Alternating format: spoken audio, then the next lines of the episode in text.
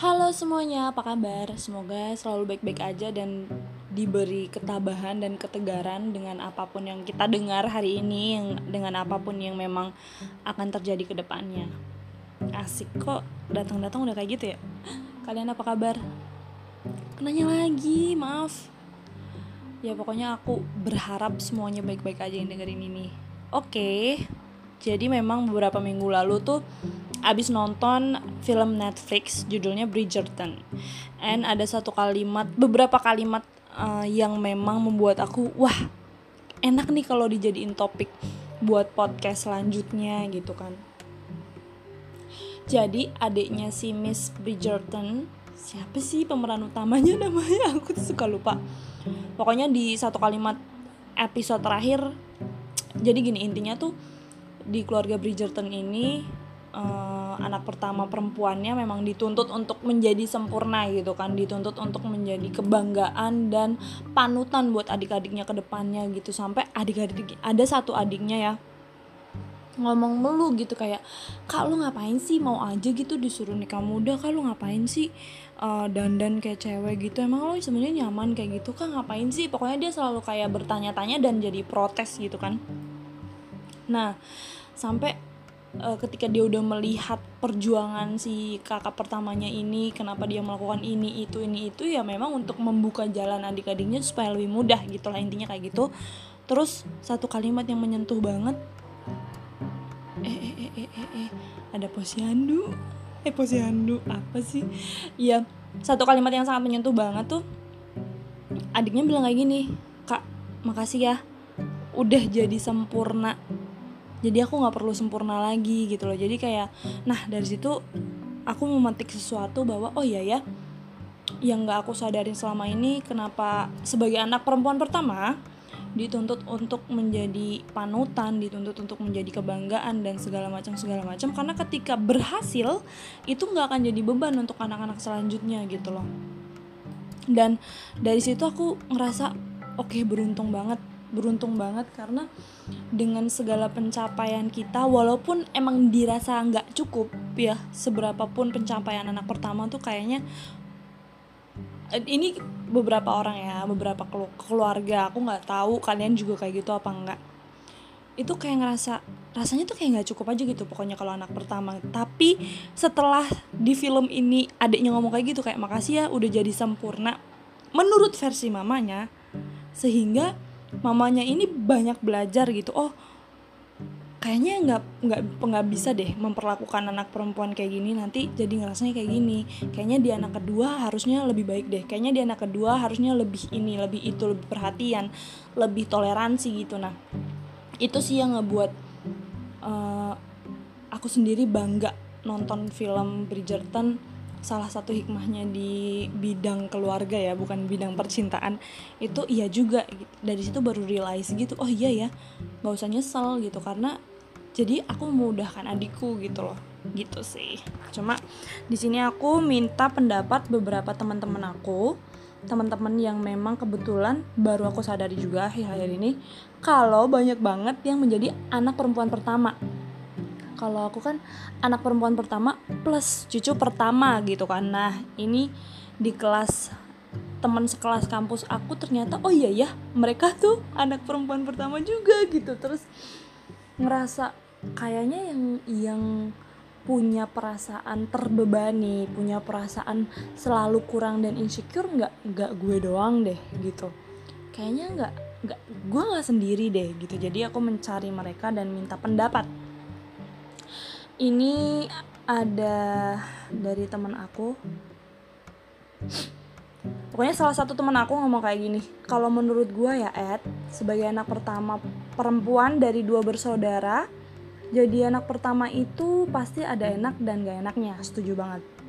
Kalau enaknya itu karena anak pertama berasa lebih diprioritasin. Hmm, ini aku sambil nanggepin ya guys. Jadi kalau aku sih jatuhnya karena background kehidupan yang berbeda ya. Jadi kayak aku dititipin sejak kecil sejak bayi sama om terus sama tante terus sama nenek terus sama mbah sama bude gitu. Jadi menurutku sampai hingga saat ini kebutuhanku itu nggak justru nggak diprioritasin. Aku justru punya sifat mengalah. Mungkin mungkin diprioritasin cuma aku memilih untuk mengalah. Jadi dari dulu pasti misalkan HP yang dibeliin duluan adek yang lebih bagus adek terus kayak baju atau apa pun gitu aku nggak pernah memprioritaskan diriku sebagai anak pertama ya. Jadi kayak mungkin yang punya background berbeda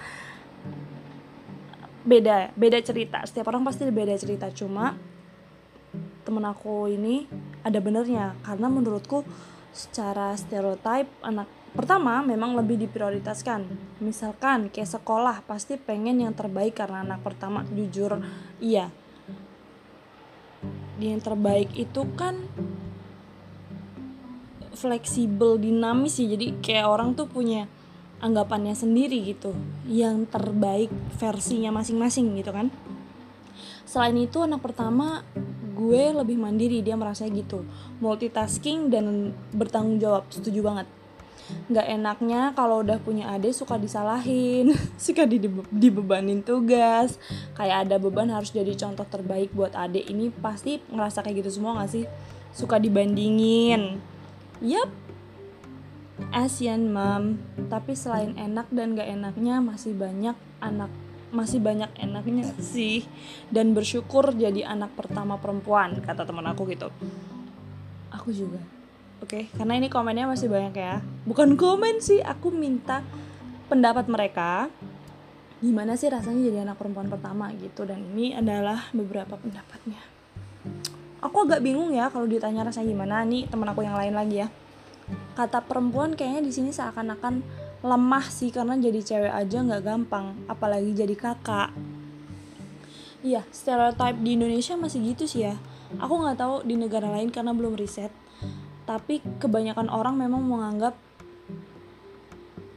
wanita itu lemah kodratnya gitu. Jadi menurut temen aku ini apalagi jadi kakak oh ini boleh disebut namanya namanya mau di dia bilang gini mau di gimana ya rasanya? Kayak yang kadea rasain aja. Kadang kita suka nggak dipandang kalau kita itu manusia. Bener.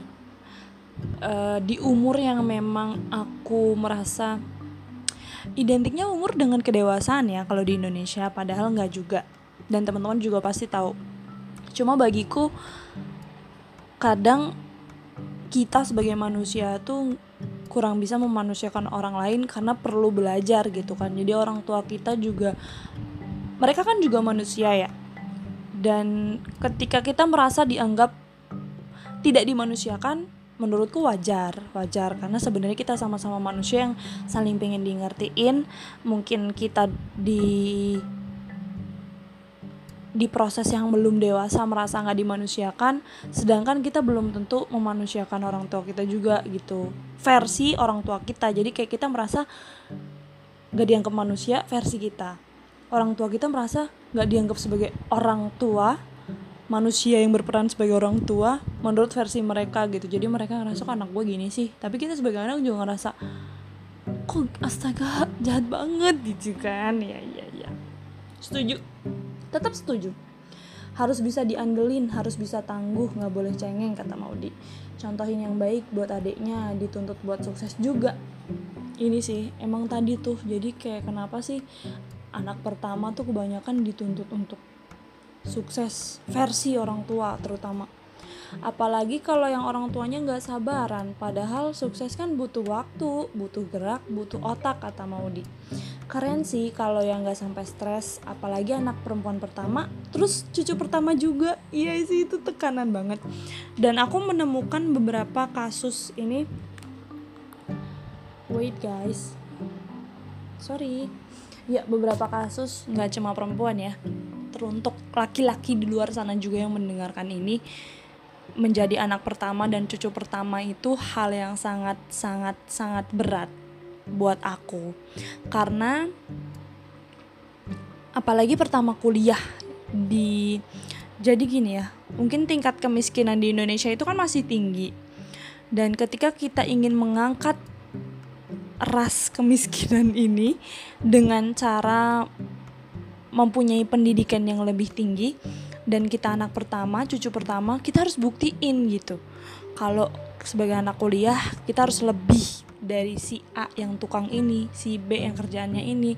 Dan itu berat banget gitu. Padahal kuliah sendiri di zaman sekarang apalagi nggak menjamin kita menjadi orang yang seperti mereka dambakan. Kayak kayak orang-orang zaman dulu tuh maunya kita jadi dosen tuh keren kita jadi guru kita jadi sesuatu profesi gitu. Sedangkan sekarang zaman sekarang kan kita susah yang ngejelasinnya kalau banyak kerjaan yang profesinya kita bingung nyebutinnya gitu loh.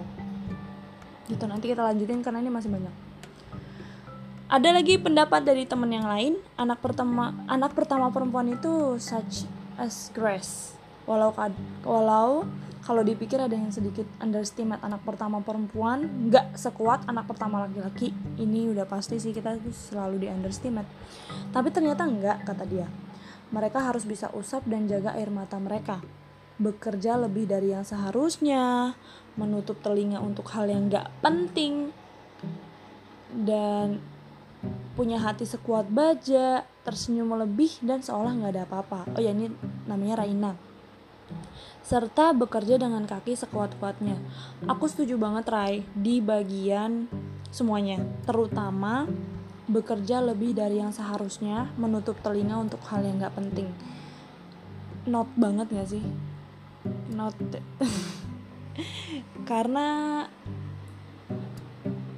walaupun itu butuh proses yang sangat panjang, tapi bagi aku bekerja lebih dari seharusnya ini pasti dirasain deh sama semua anak pertama.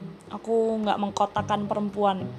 Karena ya itu untuk untuk merangkak sukses keluar dari ranah kekurangan keluarga kita kita belum bagi yang belum punya privilege yang lebih banyak daripada yang lain. Karena aku mengakui adanya privilege itu kita emang harus ibarat yang lain jalan kaki kita harus sampai um, merangkak-rangkak push up ya kan? Lebay banget. Pokoknya setuju banget sama ini. Dan menutup telinga buat hal yang gak penting. Walaupun buat aku bodo amat itu butuh proses yang sangat sangat sangat sangat sangat panjang banget dan menurutku hati perasaan fisik harus mereka seimbangkan ya karena orang nggak mau peduli maunya anak pertama harus kuat dan bisa cover semua kata Raina. Oh ya mereka juga harus bisa pride sama ego mereka juga. Betul? Masih banyak? Kita akan bacakan yang lain. Temanku. Bukan cuma temanku ya sohib. So bro. Namanya Annabella. Abel jadi anak pertama itu kudu bisa jadi contoh buat adik-adiknya udah pasti. Yo eh bisa jadi lebih deket ke ortu karena sometimes ortu lebih percaya buat ngasih tanggung jawab. Setuju banget Bel. Lebih jarang berantem sih dibanding adik ke adik yang lain. Harus bisa ngayomin nasihati negor adiknya. Kalau enggak bisa-bisa kena omel. Iya karena gini loh kadang nih ya yang salah adik nih dia dia melakukan kesalahan gitu ya. Terus dia diomelin nih diomelin. Tapi ujung-ujungnya pasti kakaknya yang salah. Kayak uh, kadang aku kayak oh oke okay, gitu. Waktu kecil kan kayak nggak ngerti gitu ya. Mungkin emang gitu kali ya kalau ada yang salah tuh kakaknya jadi yang salah juga gitu. Cuma lama-lama pas sampai gede lah lah lah lah gitu loh. Kalau diinget lagi ke belakang lah dulu kan yang ini dia sendiri ya. Kenapa yang disalahin kakaknya gitu loh. Jadi setiap perbuatan jelek adik di aku ya di aku mungkin beberapa keluarga yang lain beda ya. Itu yang salah kakaknya coy. Yang salah gue. Itu tanya aja deh sama adik gue gitu. Terus negor adik setuju banget tuh bel. Kalau nggak bisa bisa kena omel. Uh, emakku memang menasihatkan untuk ya gimana caranya menuntun adikku ini ke jalan yang benar lah pokoknya gitu walaupun gimana pun aku gitu ya. Aku sering banget punya key time bareng Dita adikku karena memang Dita ini agak lemot ya anaknya. Nggak tahu adik kalian gitu nggak sih? Menurut aku uh, semakin menurun generasinya semakin menurun tingkat berpikir kritisnya berpikir uh, rasionalnya analitiknya jadi gampang sekali menyimpulkan gampang sekali puas dengan ilmu ya terutama gitulah. Pokoknya aku selalu punya key time sama Dita yang memang ketika aku nasihatin dia tuh bisa berjam-jam dan dia alhamdulillahnya dengerin aja sih. Dia dengerin dan dia merasa dia butuh gitu. Itu yang paling aku seneng dari dia karena dia mau dengerin apa aja dari aku. Entah itu keluar kuping eh gimana sih? Masuk kuping kanan keluar kuping kiri gitu katanya ya ibaratnya. Tapi dia memang sedikit demi sedikit menerapkan dan agak menjelma menjadi aku gitu. Jadi aku senang terus kalau kata Abel lagi justru yang dituntut lebih sempurna malah adik-adik gue sih Ed. Gue malah kebagian jatah jadi kelinci percobaan. Yang fail failed alias gagalnya justru dari gue. Ini sih yang yang aku suka dari Abel ya. Dia tuh emang memang anaknya jujur dan baik. Iya uh, sebagai kakak nggak memungkiri banget kita pasti banyak salah dan banyak gagal. Tapi dari situ itu tadi yang aku kutip dari film Bridgerton gitu.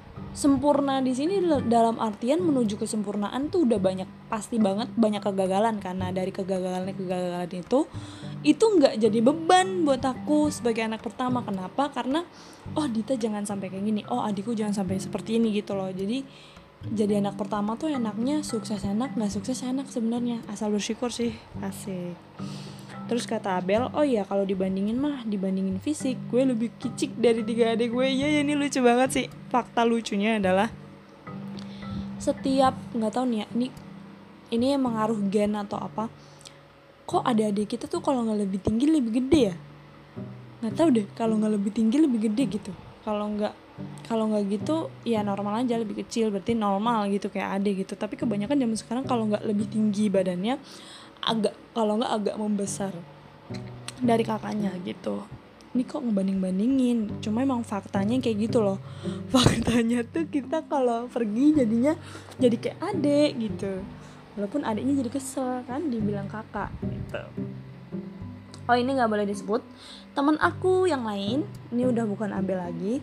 Jadi menurut dia gini jadi anak pertama perempuan berat banget kalau menurut aku soalnya punya tanggung jawab yang lebih besar ini udah sering disebut-sebut tadi harus jadi contoh yang baik buat adiknya berarti terbukti dari sekian banyak orang mereka nyebutin ini kan Oh ya, aku lanjutin dulu. Harus bisa ngarahin yang benar buat adiknya. Harus siap bisa jadi tulang punggung. Tapi kalau untuk posisi aku sendiri, ini bener-bener berat dan ngebebanin banget sih. Soalnya sampai sekarang lamar kerja ke mana-mana bagian apa pun belum ada yang lolos. Mentok sampai wawancara. Ditambah ya mungkin karena emang gak bisa apa-apa juga. Ditambah ngerasa kalau perempuan gak boleh nikah lama-lama ah jadi makin berat karena belum punya penghasilan sendiri tapi keingetan umur takutnya nggak sama perempuan mikir harus nikah secepatnya apalagi yang kenal aku nanti gimana gimana hmm, ini wajar dan pasti dirasain sama perempuan yang lulus di tahun 2020-2021 ya. Dan setelah selanjutnya gitu uh, mentalnya tuh termasuk aku terganggu gitu. Kita merasa takut nggak bisa jadi nggak bisa dapat kerja kita merasa takut gimana untuk jodoh menjaga teman-teman. Sedangkan yang bisa ngekeep relations itu kan komunikasi dan sebaik-baiknya komunikasi menurut aku sendiri ketemu gitu. Karena dengan bertemu kita bisa ngelihat raut wajahnya kita bisa ngelihat mimiknya ya nggak sih? Kalau kalian gimana? Setiap orang beda-beda sih. Tapi menurut aku sendiri dengan bertemu itu mengisi satu sama lain mengisi kekosongan satu sama lain. Yang ekstrovert jadi senang yang introvert mungkin merasa nggak nggak kosong-kosong banget. Tapi mungkin kalau emang terlalu exhausted dan melelahkan dan nyaman sendiri ini keuntungan besar banget ya untuk para teman-teman yang memang lebih nyaman sendiri gitu. Cuma bagi aku covid ini selain men mencekam diri kita sendiri yang kayak takut nggak dapat kerja takut nggak nemu jodoh takut nggak bisa balas budi ke orang tua dengan cepat karena udah mengkuliahkan kita takut belum bisa berdikari itu wajar banget. Tapi pasti ada jalan gitu. Emang sih basi cuma dengan keyakinan dengan yakin yakin yakin dan terus berusaha nggak tahu dari mana aja tuh kayak ada aja gitu. Aku juga dulu dulu bahkan sampai sekarang malah nggak percaya. Kayaknya baru kemarin deh ngerasa nggak punya skill apa apa kayaknya baru kemarin deh ngerasa bisa kerja apa enggak tapi sekarang dikasih jalannya sama Tuhan begini loh sama Allah begini gitu kayak nanti pasti ada waktu yang tepat gitu. Mungkin banyak yang bisa kita ambil ibarat kalau kata peribahasa nih gelas setengah kosong kita ngelihatnya setengah isi apa setengah kosong gitu. Makanya Anto tuh selalu ngingetin aku gitu. Kalau misalkan ada hal-hal yang buruk, hal-hal negatif, dia selalu bilang coba fokus ke positifnya gitu, coba fokus ke setengah isi gelasnya. Kalau ada yang terang dan gelap, coba fokus ke terangnya, biar kita tuh nggak terlalu pusing, biar kita nggak kehilangan keyakinan gitu loh emang susah sih kalau cuma yakin doang. Tapi kan kita pasti juga apply apply kerja kita berusaha pengen jualan kita berusaha terus terus cari informasi. Nggak ada usaha yang hianatin hasil kan? Jadi perlu satu bumbu yakin gitu menurut aku. Karena relasi doa semua tuh lagi bertempur di langit bersamaan. Cuma lagi nunggu waktu karena emang kita nggak sabaran gitu. Ini kenapa jadi ke mana-mana? Iya jadi anak pertama terus lagi covid lulus dengan umur segini terus ngerasa pengen cepetan balas budi pengen nanggung beban keluarga seolah-olah gitu padahal kita bebannya. Jadi menurut aku wajar banget ya cantik teman aku ini. Kita doain bareng-bareng semoga dia cepat menemukan suatu tempat kerja yang baik, yang orang-orangnya juga baik karena itu rezeki terbaik dibandingkan gaji yang gede ya. Mending orang-orang yang baik, suportif, nyaman dan keluarganya juga bisa menerima keadaannya sekarang, tetap bisa menjalin hubungan lebih dekat dengan keluarga dan teman-teman semua. Baru nanti ketika siap kerja pasti ditempatkan ke tempat kerja yang terbaik. Amin dan juga jodoh karena kayaknya dia udah punya pacar sih. So tenang aja guys. Tenang aja cantik. Oke okay, kita move. Jadi kalau perasaanku jadi anak perempuan pertama tuh ada enaknya ada enggak juga. Tapi kebanyakan capek sih. Apalagi adekku cewek juga kan. Dari kecil udah harus terbiasa kena marah kalau nggak bisa jadi contoh yang baik buat adik. Ya ampun sedih. Selalu dibanding bandingin juga. Pastilah karena anak pertama harusnya lebih baik daripada adik.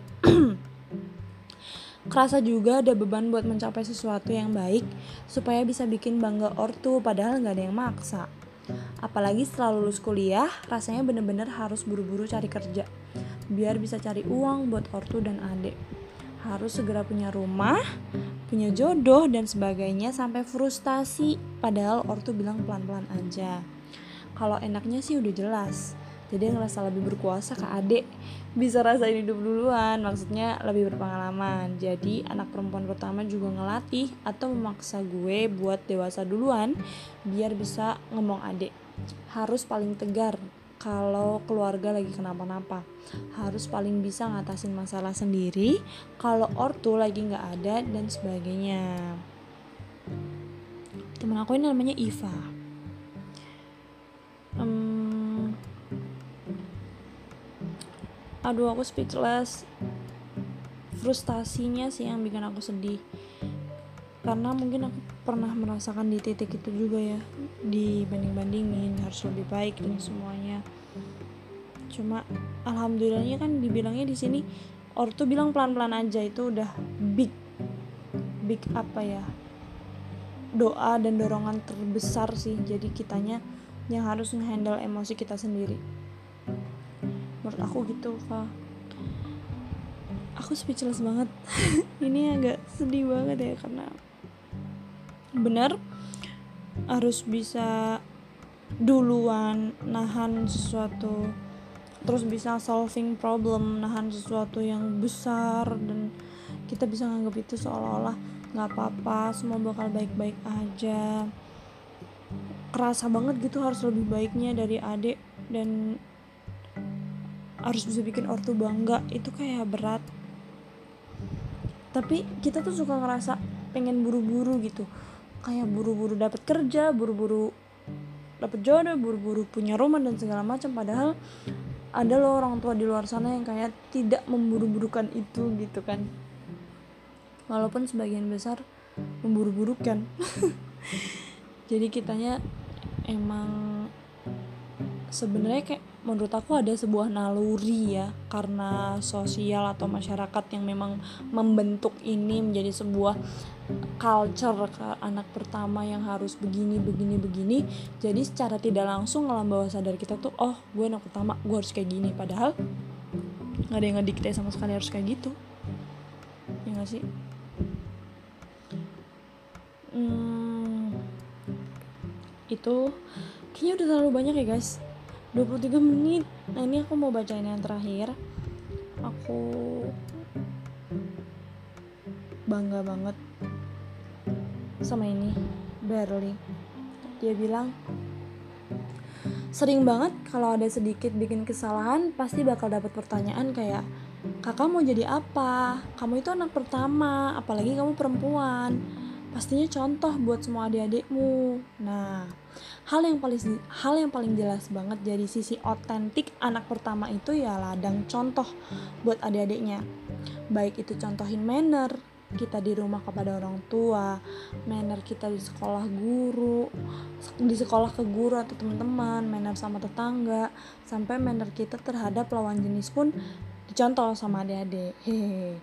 Tapi setuju gak sih? Dengan menjadi anak sulung kita bisa nge-explore semua hal dengan guidance dan insting ala kadarnya.